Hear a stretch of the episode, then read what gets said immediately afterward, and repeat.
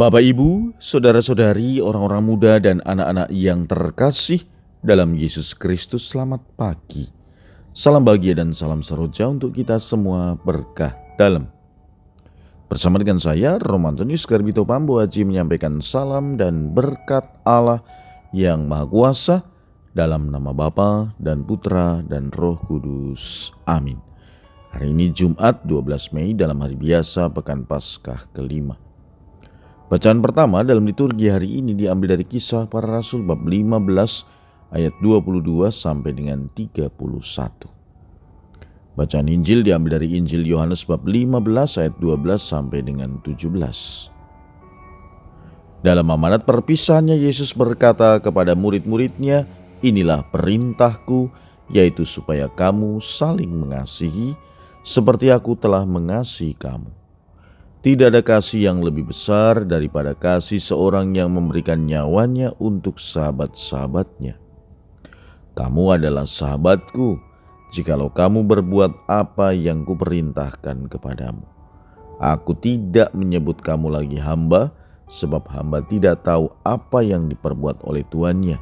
Tetapi aku menyebut kamu sahabat karena aku telah memberitahukan kepada kamu segala sesuatu yang telah kudengar dari Bapakku.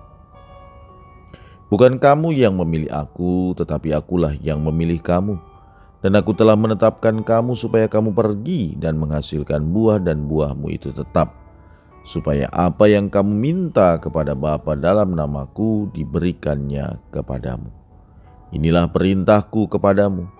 Kasihlah seorang akan yang lain.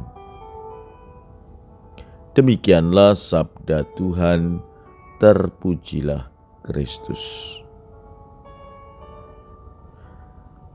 Sabda Tuhan hari ini begitu jelas maknanya, maksudnya, dan perintahnya.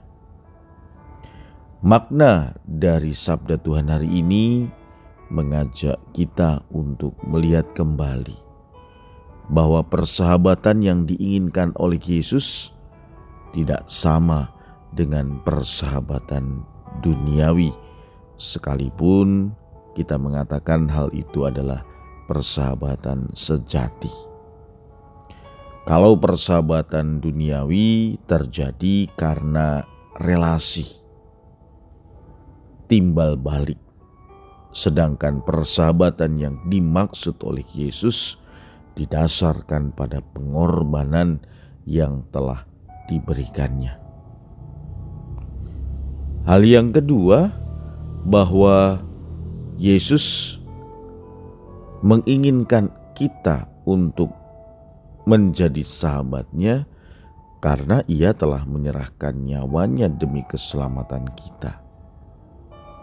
Maka sekali lagi persahabatan yang dikendaki oleh Yesus adalah pemberian diri.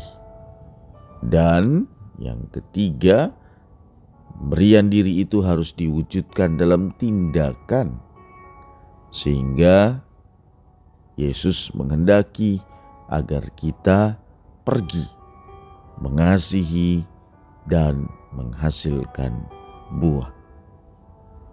Perintah ini menuntut kita untuk menjadikan sesama juga sebagai sahabat, karena kita harus berani memberikan diri dan menjadikan mereka adalah bagian dari hidup kita